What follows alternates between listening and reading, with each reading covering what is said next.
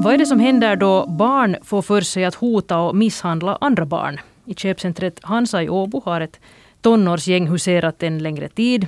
Det består av tonåringar i olika åldrar som gör andra barn och unga rädda och osäkra. Också en del vuxna upplever det som både obehagligt och otrevligt att röra sig i köpcentret under kvällstid till exempel. Flera medier har berättat om hur det här gänget har misshandlat och hotat, rånat andra ungdomar, krävt att de ska knäböja och slicka deras skor. Och allt, sen, allt medan misshandeln sen då filmas med mobilen. Vad ligger bakom det här destruktiva beteendet och gängbildningen och hur ska man komma åt det här? Det ska vi diskutera här i Slaget efter tolv idag. Jag heter Maria Nylund. Och med mig här för att diskutera det här har jag Heidi Lindevall. Välkommen. Tack. Du är brottspåföljdstjänsteman och du jobbar med ungdomar som har begått brott. Jo, eller hur? stämmer. Och så har vi Vesa Hanski, välkommen. Tack. Du är polis i Åbo och dessutom politiker. Sitter i Åbos kultur och ungdomsnämnd där du representerar Svenska folkpartiet. Ungdomsfrågor är nära hjärta. Eh, och så har vi Nicke Wulf, välkommen. Tack så mycket. Du är rektor för Signeus skola i Åbo. Och du är också faktiskt förtroendevald och sitter i Åbo fullmäktige nu för tydlighetens skull också för SFP. Ja. Det där om vi börjar med dig Nicke Wulf. Din skola finns eh, precis i Åbo centrum, ett, ett stenkast från köpcentret Hansa. Vilken är din, din egen uppfattning om hur tryggt eller otryggt det är att röra sig i Hansa-kvarteret?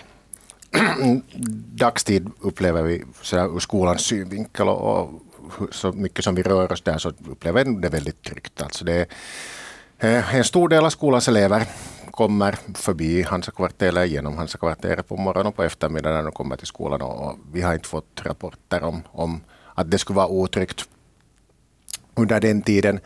Men, men det har ju eleverna självklart nog talat om att, att, att redan under en längre tid så har man ju kanske velat undvika centrumområdet och Hansakvarteret och, och nu efter att de här nyheterna uppdagades i, i tidningen och blåstes upp relativt stort så, så har ju diskussionen nog startat i skolan också. Och, och nu kommer det kanske lite mera mera berättelser och funderingar och frågor kring det. Men att, att så här under, under vår verksamhetstid, om vi säger det så, så upplever det helt okej tryggt. Vad är det som du har snappat upp av dina elever eller kanske föräldrar också? Det, det som har kommit nu alltså efteråt, så nu, nu börjar det komma berättelser om, om händelse. Alltså det, det, har inte kommit tidigare. Är det här nu sen kanske en katalysator som startar det och berättar hur mycket det är? Man måste också tyvärr ta vissa saker liksom med en nypa sanning. Varifrån kommer berättelsen? Är det någonting de har sett? Är det någonting de har hört? Färglägger dem och så vidare. Men att om, om olika gäng och sånt så har de berättat. Mm, just det. Helsingin Sanomat samlade här nyligen in sådana här läsarberättelser där många berättar om hur de hade blivit påspottade eller hur de här ungdomarna hade blockerat vägen för dem eller så hade de bevittnat hur förbipasserande hade blivit attackerade och misshandlade och i de här portgångarna till köpcentret så smusslas det med både läkemedel och, och droger. Eh, sägs det. Jag undrar, centrum är ju såklart ett, ett jättelockande ställe att hänga i för många tonåringar och kanske också yngre barn än Så, här. så hur vettigt tycker du att det är att, att barn och unga hänger i, i just Hansa-kvarteret, skulle du säga? Vettigt är det ju inte. och så mycket måste jag inte hänga i mina egna barn där. Och det har vi diskuterat om att inte, det är ju inte ett ställe att vara på om man inte har något annat att göra. Och det är kanske det som borde vara liksom att det, det är ju inte det är ju ett ställe var det finns alldeles för mycket saker och ting som kanske inte skulle behöva finnas i ungdomarnas liv och barnens liv. Så speciellt de barn i, i, i min skolas ålder till exempel så inte har de någonting där att göra. De kan visst, nu har ju ungdomsgården startat relativt här nära men att, med att ge Hansa kvarter så inte, inte ser jag nu någon mening att de ska hänga där efter skolan till exempel. Ja, varför har du alltså förbjudit dina barn att Helt enkelt därför för jag upplever att det inte är tryggt. Och, och jag är uppvuxen och, och allting i Åbo och inte har någonting här i centrum att göra om inte har något vettigt. Att om inte ska träffa kompisar och, och göra något speciellt men att min yngre son så han går på träningar och kommer hem och umgås med kompisar hemma hos dem och min äldre dotter så hon har nu inte ens något intresse av att hänga där. Vad säger du Vesa Hanski, hur, hur skulle du beskriva de här oroligheterna i Hansakvarteret så där ur polisens synvinkel? Nu ska vi säga att vi måste gå ganska långt tillbaka i tiden. När vi, att de här problemen har ju varit återkommande vid vissa årtionden. På 80-talet, som Nicke kommer bra ihåg också, så hängde det på Auragatan massor av ungdomar och drack helt offentligt. Och det här myndigheterna grep i det och, och det slutade en stund. Men sen kom följande egentligen samma våg som vi, som, egentligen, som vi erfar nu efter depressionen på 90-talet, så hade samma problem. Började prata om Hansa-barn som var eh, rotlösa, hade inte någonting att göra och hängde på stan och gjorde illdåd. Och nu ligger vi i samma situation egentligen med de här barnen som efter coronatiderna har varit helt rotlösa. Det vill säga att, att, att de har inte haft någonting vettigt att göra. Och då har man inte har någonting vettigt att göra så barnen är ganska eh, påhittiga och hittar på allt möjligt sånt som inte kanske är helt OK. Och den liksom bilden ser vi nu på stan, tyvärr. Och, men det går ju så att förebygga det och jobba emot det så att man får bort det där problemet. Men problematiken nu för tiden är att myndigheterna och, och, och det här eh, besluten beslutet som gjorts inom stan, så det sker inte på en, på en dag och inte på två dagar. Och det tar en viss tid. Och, och när man börjar bearbeta ärenden så det är klart att det, man får inte liksom i bukte på just nu utan det tar tyvärr en tid framåt. Mm. Men jag, säga, jag tänker på ett, ett, en, en ungdomsliv så en höst är ju jätte, det händer mycket på en höst eller på en sommar. Det kan hända jättemycket saker när man fyller 15 och blir 16. Det är, det är, ungdomars liv det är en kort tid, ett halvt år, men deras liv, mycket de erfar på ett halvt år, så det är ganska mycket. Men vi när vi är vuxna och funderar på de här sakerna och har alla mycket möten och bearbetar och planer och devis och så vidare och så vidare, så händer ganska mycket under den tiden det kommer nog säkert att bli ordning och reda på saker, men det tar tyvärr en mm. viss tid och man får tag i dem. Och det här så att säga akuta läget här nu, det som har figurerat ganska mycket i medier, så, så det har pågått ungefär ett halvt år har jag förstått. Att, ungefär, ja. Liksom eskalera. Det finns ju också de som inte alls upplever att det skulle vara särskilt otryggt. Eh, det kan man ju också säga, så att den här upplevelsen är förstås subjektiv. Men Vesa Hanski, ännu, det där, um, det handlar nu har jag förstått om ett gäng på kanske tio personer plus minus har det sagts då i olika medier. Kan man alls säga, om vem de, säga någonting om vem de här no, det, kan jag, är? No, det kan jag inte svara på den frågan direkt, men, men ska vi nu säga i överlag så är det ju liksom en procent av alla som orsakar de värsta problemen. Och det som jag måste ta i det som Nicke sa också lite, att sen har jag en sån tanke här liksom att, att stans centrum borde nog vara en trygg plats för ungdomar också att vistas i Hansa-kvarteret, liksom köpa en glass eller sitta och diskutera med sina kompisar och så vidare. Men det blir ju nu så att 99 procent av de alla andra så föräldrarna säkert hämtar barnet i skolan och, hem, och för dem liksom hämtar dem därifrån. För att undvika vissa problem som uppstår, som man har hört eller sett kanske själv. själv. Och det här är liksom det där, det, egentligen det största problemet, det är att vi som på ett sätt beter oss med de reglerna som, och spelreglerna som samhället har gett oss, så börjar liksom och väja för de problemen som de andra orsakar. Det vill säga att vi börjar välja andra ställen att vistas på, vi börjar välja andra sysslor som, som, det här, som känns för oss själva trygga. Och egentligen det enda, det viktigaste grejen är att det finns vissa ställen som är, som är trygga för ungdomar, de här ungdomsgårdarna som Nicke tog upp just, som vi har på svenska också, och på finska här inne i stan. Mm. De vill få ungdomarna dit och vistas och där i ett tryggt, sam, tryggt liksom samfund som, som det finns bra uppfostrande vuxna människor i, så det är det bästa som finns. Mm. De, får, de får ju tag på de här problemen ganska snabbt i, vid behov. Ja. Eh, no, men en jätteliten liten andel här, en procent sa du, som förorsakar det här problemet. Men, men det som också har konstaterats från polisens sida, att det blir allt vanligare att de här ungdomarna också bär kniv på sig. Så hur, hur farligt kan det liksom bli? No, ska vi nu säga så att, att såna knivar och sånt och dylikt har funnits alltid på ungdomar det, det pratas på 80-talet och 90-talet. Det är inget något nytt fenomen utan det hämtar liksom på nytt igen i de här diskussionerna. Det finns knivar och fällknivar och sånt. Men det plockas säkert av ungdomar i skolan också nu för tiden och förr i tiden gjorts mycket. Det är ingenting nytt. Men det är liksom att man bär på någonting och sen orsakar någonting med det. Så den, den tröskeln är kanske lite lägre nu för tiden än förr i tiden. Förr i tiden var det kanske tufft att bära kniv på sig, men nu är det en annan grej. Är det liksom farligare nu då? no, på något vis tycker jag liksom att det, att det är min personliga åsikt, det som jag har följt med, att, att man liksom tar till det här de här liksom extrema våldsmedlen på något vis lite lättare nu för tiden än förr i tiden. Heidi Lindevall, du är alltså sån här, det som kallas för brottspåföljdstjänsteman och du jobbar i, i Åbo stads så kallade Rocky-team. Eh, ni är en grupp, grupp som består av bland annat socialarbetare och, och har, så har ni en psykiatrisk sjukvårdare med er och, och också en speciallärare i ert team. Eh, och er uppgift är då att försöka stödja och, och hjälpa ungdomar som då redan har begått brott. Du känner också bra till det här ungdomsgänget i Hansa. Eh, vad skulle du säga, finns det någon gemensam nämnare för, för de här ungdomarna? Jag vet inte om man kan säga gemensam nämnare men kanske just som Vessa också nämnde här att en viss rotlöshet och, och så här eventuellt illamående som ligger bakom det här beteende. Mm. Men det är både flickor och pojkar har jag förstått och det barn med både, både invandrarbakgrund och utan invandrarbakgrund och liksom en brokig skara. Mm. kan man säga så. Håller ni med om det här? Säkert finns det ett och annat. Jag kan inte ta ställning till att vem de är som är Nej. där. Okay. Det där... Um, från, från både polisen och också er, er sida här från det här Rocky-teamet så har ni betonat att, att, att de flesta tonåringarna som rör sig i Hansa, precis som det kom upp här nu också, så, så beter sig alldeles utmärkt. Och att det här nu handlar om en, en, en liten grupp som är våldsam. Så, som just rånar och hotar och också förödmjukar andra barn och unga här. Eh, om du tänker på det som de nu har gjort och gör, så, så vad, skulle du, vad liksom berättar det om dem själva? Det att man börjar syssla med sånt här. Mm, säkert psykiskt illamående, neuropsykologiska diagnoser, rusmedelsbruk, helt sånt här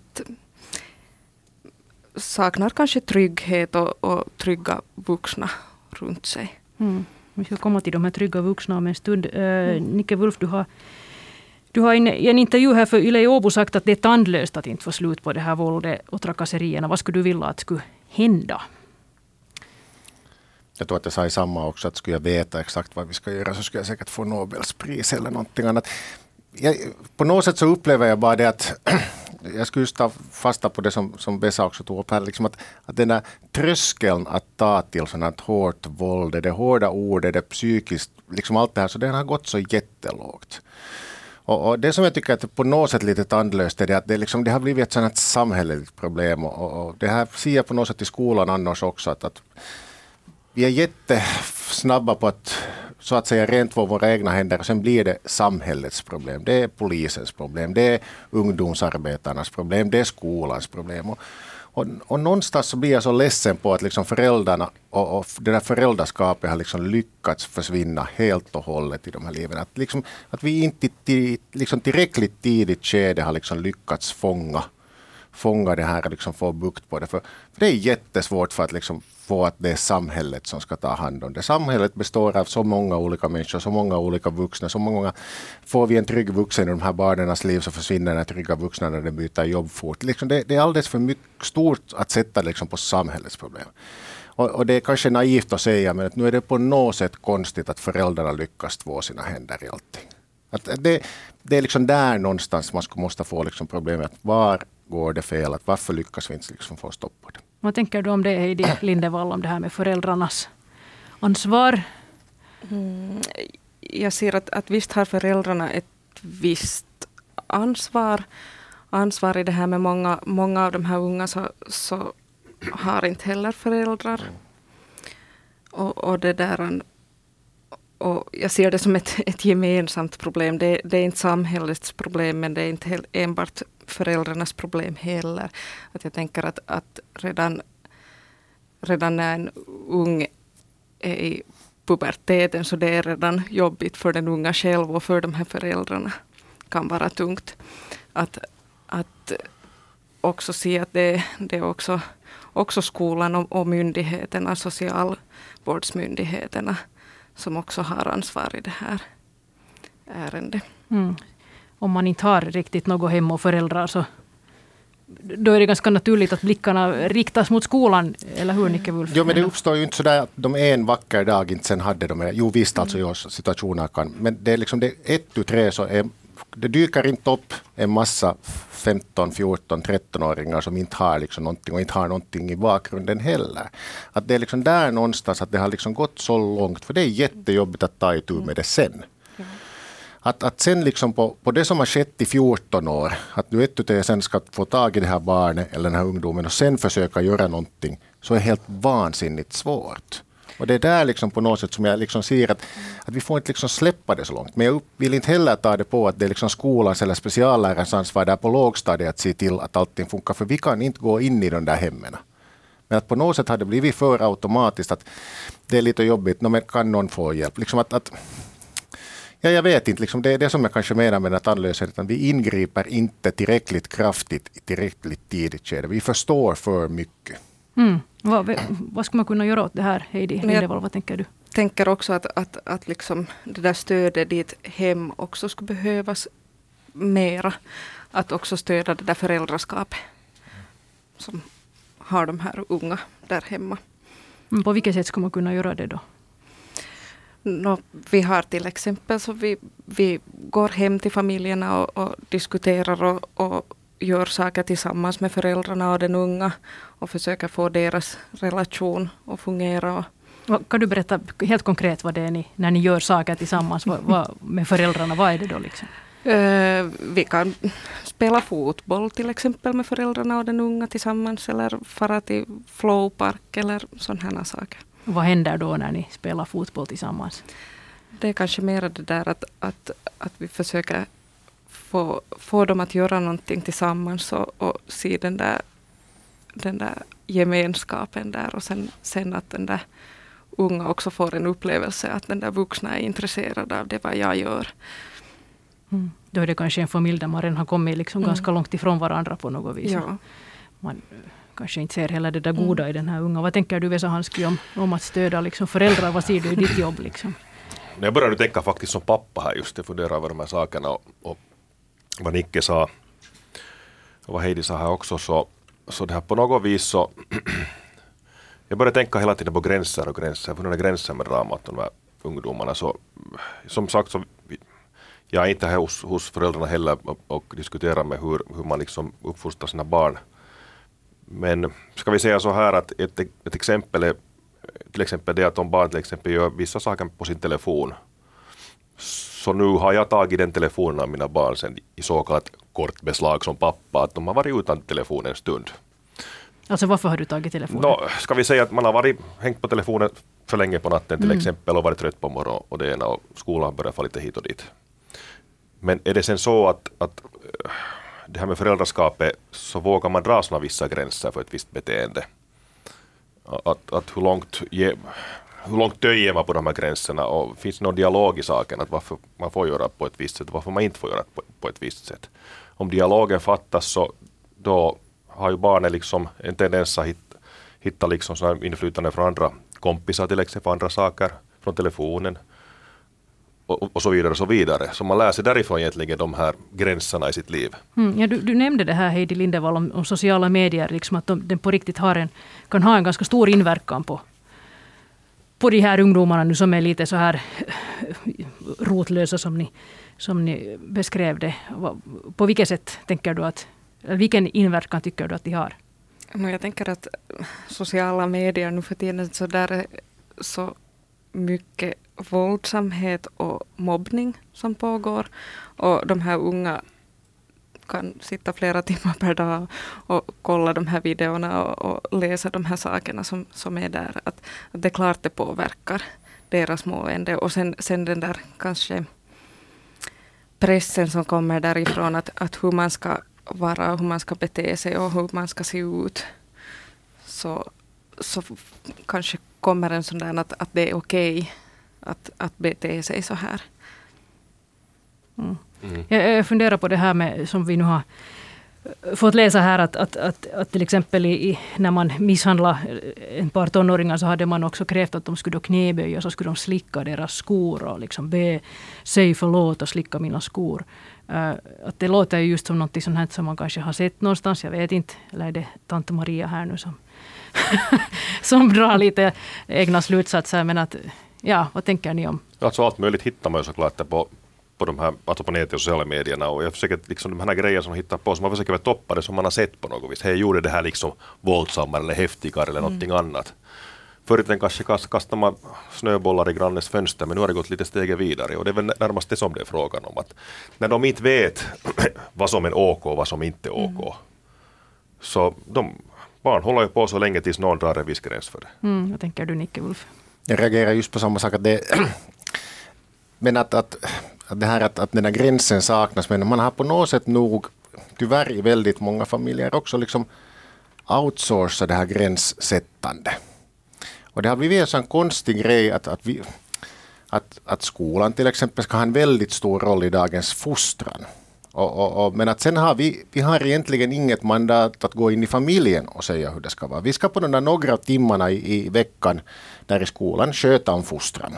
Att där ska man nog lära sig. Men att vi har, inte någon, vi har inget liksom mandat, vi har ingen, ingen egentligen fungerande kanal heller till de här hemmen. Att, liksom att hur ska vi kunna jobba med den här fostran tillsammans. Och, och, och det är ju så att, att, att de föräldrar som, som vi skulle kanske gärna vilja mest samarbeta med, så är de föräldrarna som man har svårast att samarbeta med. De föräldrarna som, som skulle behöva komma på föräldramöte till exempel när vi har någon och berättar, så det inte dyker de upp. Och, och, det är liksom här någonstans, och jag ser inte heller att det är sen skolans uppgift att gå in dit. Då måste vi ha någon annan myndighet, någon annan instans som kan naturligt med kompetens och kunskap gå in i de här familjerna och just handleda, alltså föräldraskola. Hur var en förälder? Hur sätta de här gränserna? Hur var konsekvent? krav och allt det här. Och, och jag menar, upplever, jag tror att alla kan vara samma åsikt. att, att jag menar, gränser skapar också trygghet. Och, och, när den saknas, när de gränserna saknas så, så då försvinner också den här tryggheten i den här miljön. Mm. Så att här någonstans så finns liksom det där guldkornet att vem ska kunna gå in i de här familjerna och hjälpa dem. För det är liksom där man måste börja. Man måste börja i tidigt skede. Mm. Det är liksom inom småbarnsfostrans föräldrar, det är liksom riktigt unga föräldrar som, som man redan behöver börja stödja för att det inte sådana problemen ska eskaleras. Ja, Heidi Lindevall, det här låter ju precis som det som ert Rocky-team faktiskt håller på med. Alltså att ni då försöker gå, gå in ja. också i familjerna och stödja just föräldraskap och den här unga. Eh, och när du nu då ser på om vi går tillbaka till de här nu som hänger i, i Hansa-kvarteret och beter sig dåligt och, och skrämmer andra och, och, hotar dem och så vidare. Så, så, så var tycker du att man skulle, liksom borde börja nysta för att hjälpa dem? Mm.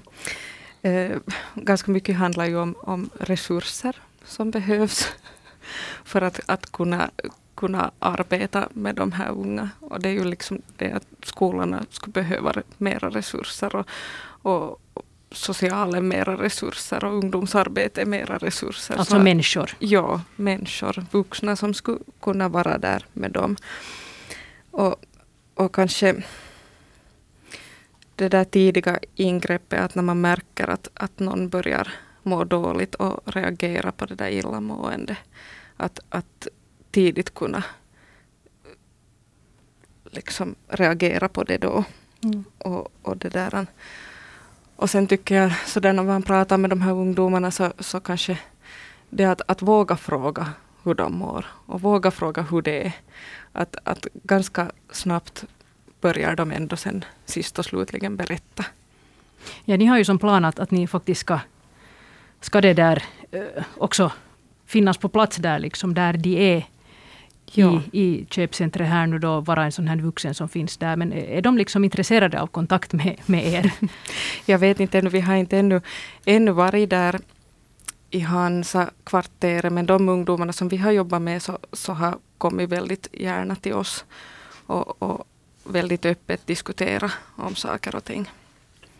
Nog. Men att, att från var det nu elfte i fjärde så, så sen efter det så syns vi mera där att stadens ledargrupp har gett grönt ljus. Att, att vi sen då i samarbete med andra professionella kan, kan gå ut dit och, vara på kvällarna och, mm. och se vad där händer. Berätta ännu det där att, att, när ni också säger att det är så viktigt att lyssna på den här unga själv och höra vad de liksom skulle behöva och önska sig. Så, så vad är det de mm. liksom kan säga eller brukar säga eller vad kan det vara frågan om? Då? Ja, de, alltså vad de nu brukar säga, de berättar ganska öppet om sin vardag, hur det är, hur det är i skolan och, och hur det är på fritiden och, och, och det där. Sen har vi sådana som helt tar kontakt sen på kvällen. Om de mår dåligt så kan de skicka ett mess att, att hej att nu, nu är det någonting som är, är fel att kan vi träffas så snabbt som möjligt och så här. Att de pratar väldigt gärna nog om sina egna saker. Mm. Och jag tycker det, det är liksom det där viktiga att, att lyssna på dem och se vad, vad som är bakom det där illamående och de där sakerna de gör där. Du berättade här tidigare att, med att ni har ungefär ett tjugotal ja. ungdomar här nu då. I åldern, ja. vad sa du, 12 till 29? Som, 12 till 29, ja. Som ni har kontakt med så här ja. regelbundet. Men nu måste jag fråga dig Vesa Hanski i egenskap av politiker, för du är också förtroendevald och, och liksom jobbar för såna här ungdomsfrågor. Alltså, vad, vad krävs det liksom från, från politikers eller samhällets sida? För att vi har nu sagt här att det behövs mera människor, mera vuxna, mera resurser för att se, och, se de här barnen i ett tidigt skede. Så vad, vad liksom kan man göra? No, det här som Heidi just sa, så det började bära frukter, det arbetet som gjordes på hösten, här, när saken togs upp diskussionen, det vill säga att hjälpen måste finnas där var ungdomarna finns. Att den ska vara inte byråer, byråer mellan fyra väggar, utan man måste söka sig dit vart ungdomarna finns. Och det betyder på en satsning på det att, att, att, att det finns tillräckligt med personal för att faktiskt ta liksom diskussion, diskussion med de här ungdomarna. Det börjar bära frukt, det är en sak. Och en annan sak är såklart att det måste finnas vissa utrymme för ungdomarna som som är trygga och var man kan också få hjälp. Och det är ungdomsgårdar. Det finns ju nu två inne i stan. Så det är jättebra det också. Men vill de vara på de här ungdomsgårdarna? No, ska vi säga det borde fungera på det sättet liksom. Det borde kopplas ihop så att de här som eh, diskuterar med ungdomar så kan styra dem dit också. Det är det som är tanken här också. Att, de, att ifall de man berättar vissa möjligheter, där kan man koka mat och, och träffa vuxen och träffa sina kompisar och träffa nya kompisar också. Så, så det här det, det är en, en sak såklart. Och en tredje sak är det att, att att det finns ju vissa, vissa ungdomar som inte är här på stan som behöver hjälp, att de borde få hjälp på ett, på ett sätt också. Och det är via telefon eller via chatt. Och det är det nästa liksom projektet som borde påbörjas. Och med de här problemen kan vara så liksom allt från metallvårds problem till, till ensamhetsproblem till diverse problem. Så det är en annan grej som borde börjas fixas så småningom. De här är kanske tre medlen. Men sen finns så, det är sådana förebyggande medel som finns.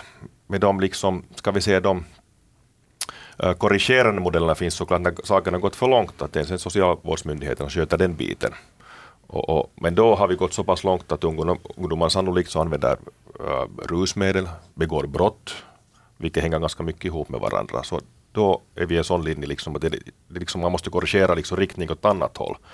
Och då finns det kanske den, de här liksom möjligheterna börjar vara lite mer begränsade. Men nu i det här skedet när vi, vi har sådana ungdomar som håller på att bli liksom, gå åt fel håll, så de måste vi ta i så snabbt som möjligt. Mm.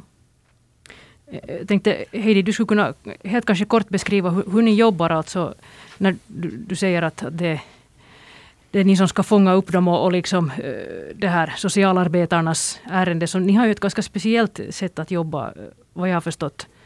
Alltså som skiljer sig ganska mycket från så att säga vanlig eh, myndighetsarbete, att man möts på något kontor och så har man ett samtal och, och så här. Ja, alltså på det viset är det ju skilt också att vi har allt, allt under samma tak. att vi har socialarbetare och två socialhandledare. Och, och sen jag och, och speciallärare och, och sen den här psyksjukskötaren. Och det där när en ung kommer till oss så de, varje ung får en egen arbetare. Och så börjar vi sakta bygga upp förtroende med den här unga och, och det där utgår från vad den unga själv önskar och vad, vad hans eller hennes mål är. Och, och det där, vi kan träffa, träffa den unga flera gånger i veckan, därför har vi så, så lite, lite eh, kunder hos oss. Att, att det ska vara möjligt att, att vissa gånger har vi träffat varje dag. Vi har kunnat köra till skolan varje morgon eller, eller så, så har vår speciallärare varit i, eh, hem till den unga och gjort läxor varje dag eller sådana saker. Att stödja den där skolgången. Och sen har vi ganska, ganska bra möjligheter att, att gå ut och äta eller på kaffe eller, eller göra någonting fritidssysselsättningar. Vi hade här i något skede så var det en, en personal som var, var och, på kickboxning och sådana grejer. Att, att se lite att, att vad den där var, vardagen är och, och, och vad de här fritidssysselsättningarna skulle kunna vara. Och, och, och sen har vi ganska mycket diskussioner kring de här brottsärendena. Vi har varit med på polisförhör och, och följa med hela den vägen, hur det går till. Mm. Och era, era unga är ju nu alltså sådana som redan har begått brott och man försöker liksom bryta ja. det här. Kan du säga någonting om hur bra det här nu har lyckats? Det här är ett projekt som ändå har inte pågått så hemskt länge, mm. ett, ett år eller så. Ja, ja. Jag tycker nog det har gått bra. Vi har fått sådana unga dit som, som tidigare inte har bundit sig till de här tjänsterna, så har bundit sig till oss och våra besök. Eh, och sen har vi nog riktigt statistik på det att de här brotten har minskat. Eller, eller avslutats helt och hållet, att det inte har kommit några nya brott. Och det där, ja, helt bra resultat vad jag tycker hittills. Just det. Och här gäller det ju som sagt att bryta ett, ett sånt här destruktivt beteende. Men du Nicke Ulf var ju inne på det här att man borde komma in mycket tidigare, kanske redan i dagisåldern. Och dina elever är ju då från förskola och 1 till, 1 till 6. Så de är betydligt yngre. Men, men det där... Eh, jag tänkte på det här som Heidi Lindevall nämnde här, att, att, att en orsak som man också nämner här för att vad det kan vara som gör att man hamnar in i den här typens onda cirklar och, och börjar begå brott som, som ung. Så, så är också olika former av neuropsykiatriska diagnoser som kan finnas i bakgrunden. Och, och så här och då tänker jag då genast på skolpsykologerna, kuratorerna i skolan, att de här måste ju vara helt liksom livsviktiga för att snappa upp mm. sånt här i ett tidigt skede. Och nu er skola har haft otroliga besvär med att, att få hålla och ha en skolpsykolog. Nu, nu är ni mm. igen utan. Vi är igen utan. Vi under sex senaste år, eller sju senaste år, har vi väl haft sex olika psykologer, och, eh, som sagt utan och, och finns inte ens sökande till tjänsterna. Och, och, det är ju sen ett problem som inte skolan kan rå åt. Men att där kanske kommer vi in på det att där måste man kanske börja tänka om. Det vill säga, vem erbjuder servicen? Mm. Ska, ska vi sitta och vänta på evigt att vi anställer en skolpsykolog som kommer dit eller när vi har psykologer som finns överallt? Vi, vi måste kanske nog resursmässigt börja se att vi köper de där tjänsterna av, av någon annan. För, för det som jag reagerar, som Heidi också sa, att, att sen gäller det inte alltid bara att ha en människa utan att ha en rätt människa, alltså ha en bra människa.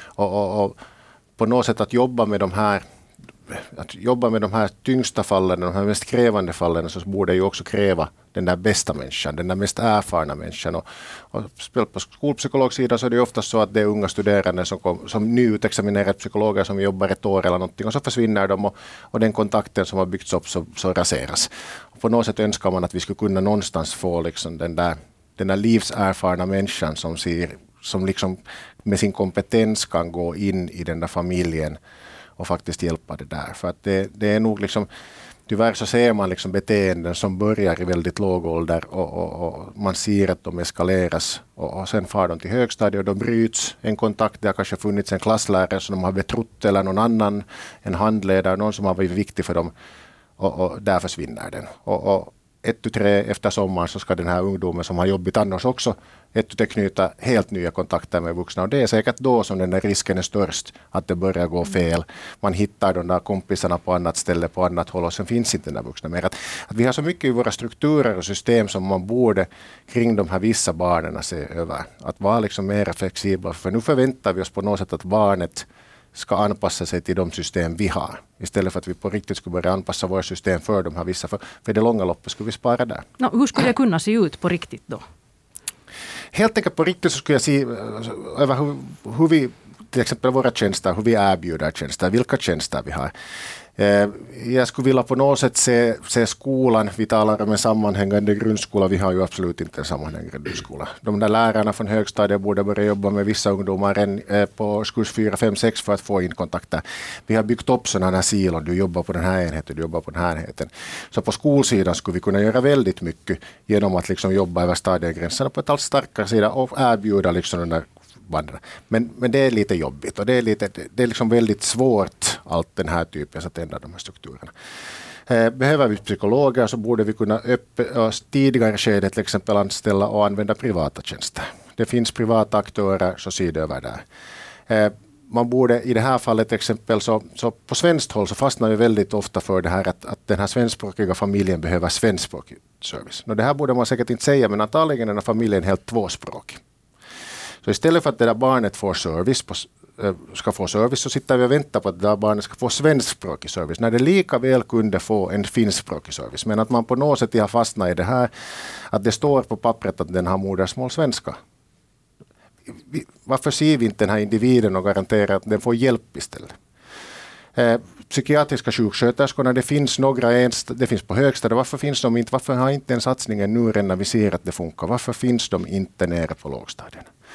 Skolgångshandledare, varför anställer vi inte flera? De, de är en jättebillig resurs. Alltså skolgångshandledare är, är otroligt värdefulla och, och, och, ändå så, så jag menar tyvärr så är de lön inte som den borde vara. Men liksom mera vuxna än det. Så det finns liksom mycket sådana små saker som man faktiskt riktigt snabbt skulle kunna göra. Men att vi har våra silon och vi har våra strukturer som vi inte vill rubba på. För den, liksom, den här vuxna världen får inte rubbas på. Mm. Nu, vad tänker du, Vesa Hanski, du har mycket att ta itu med här nu som politiker. En hel del, ja såklart.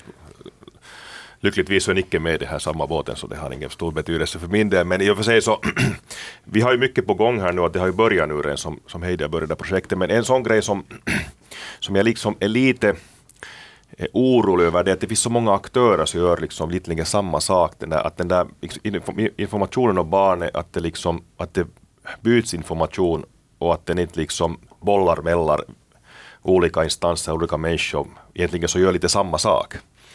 Att det här, all hjälp är såklart välkommen med just det här problematiken att man får att, det finns en, att den här barnet har en viss liksom inblick i den här liksom framtiden som barnet kommer att ha. Att om jag nu håller på i det här Rocky-projektet och tar det slut nästa vår, vad gör jag sen? Mm. Och sen vet man inte riktigt vad man gör efter det. Och det finns kanske en annan liksom motsvarande projekt på gång vid sidan om som inte man kanske vet om någonting. Att det här själva liksom nätverket och deras samarbete så är jätteviktigt att man inte bara gör sitt eget arbete. Man förstår liksom att det är någon, kanske någon annan som gör samarbete också. Att vi har samma, liksom, eh, samma vision i saken. Och, och det önskar liksom att alla skulle ta i att man inte att vi gör tillsammans det här och det här barnet, att det inte bollas liksom fram och tillbaka hit och dit. För det vet jag att, att liksom Åbo stad har ju ett, ett, en verkstad var det också hjälps ungdomar för att liksom hitta studieplatser, hitta arbetsplatser och få liksom rehabilitera tillbaka liksom egentligen i studie eller arbetslivet. Så det finns så många olika, liksom, det finns massor nog som, som görs men att, att, det, liksom, att det finns en viss blick när barnet får tag på, eller ungdomen, eller vuxna i vissa fall också, att den vet att okej, okay, att nu är den här människan, så kör den här saken så långt de kan och dra det där snöret, dra det här snöret. Liksom. Det här är min människa, dra mm. det här snöret, dra det där snöret. Eller sen egentligen liksom att säga att det här är nästa steg för dig. Och inte säga att du hör inte hit. Mm. Att det, det är liksom så närmaste framtiden. För det här är ganska mycket projektarbete som det är frågan om. Att det tar inte slut liksom vid årsskiftet så att säga, som det ofta brukar göra. Mm. Ja, ert projekt, Rocky-projekt är ju faktiskt ett projekt, men meningen är väl att det ska bli ändå permanent Ja, det verksamhet. syftar vi till i varje fall, att det skulle få bli, bli en stadigvarande. Och det är väl lite det ni gör, att ni är den här egna vuxna så att säga, som ska vara tillgänglig liksom, ja. för den som inte har kanske en, en stabil vuxen i sin närhet. Ja. Vi ska hoppas att det blir en, en fortsättning och här ska vi avsluta dagens Slaget efter tolv. Tusen tack till dig Heidi Lindevall, brottspåföljdstjänsteman i Åbo stads Rocky-team och Vesa Hanski som är polis och politiker i Åbo och Nicke Wulf, rektor för Signeus skola i Åbo. Jag heter Maria Nylund.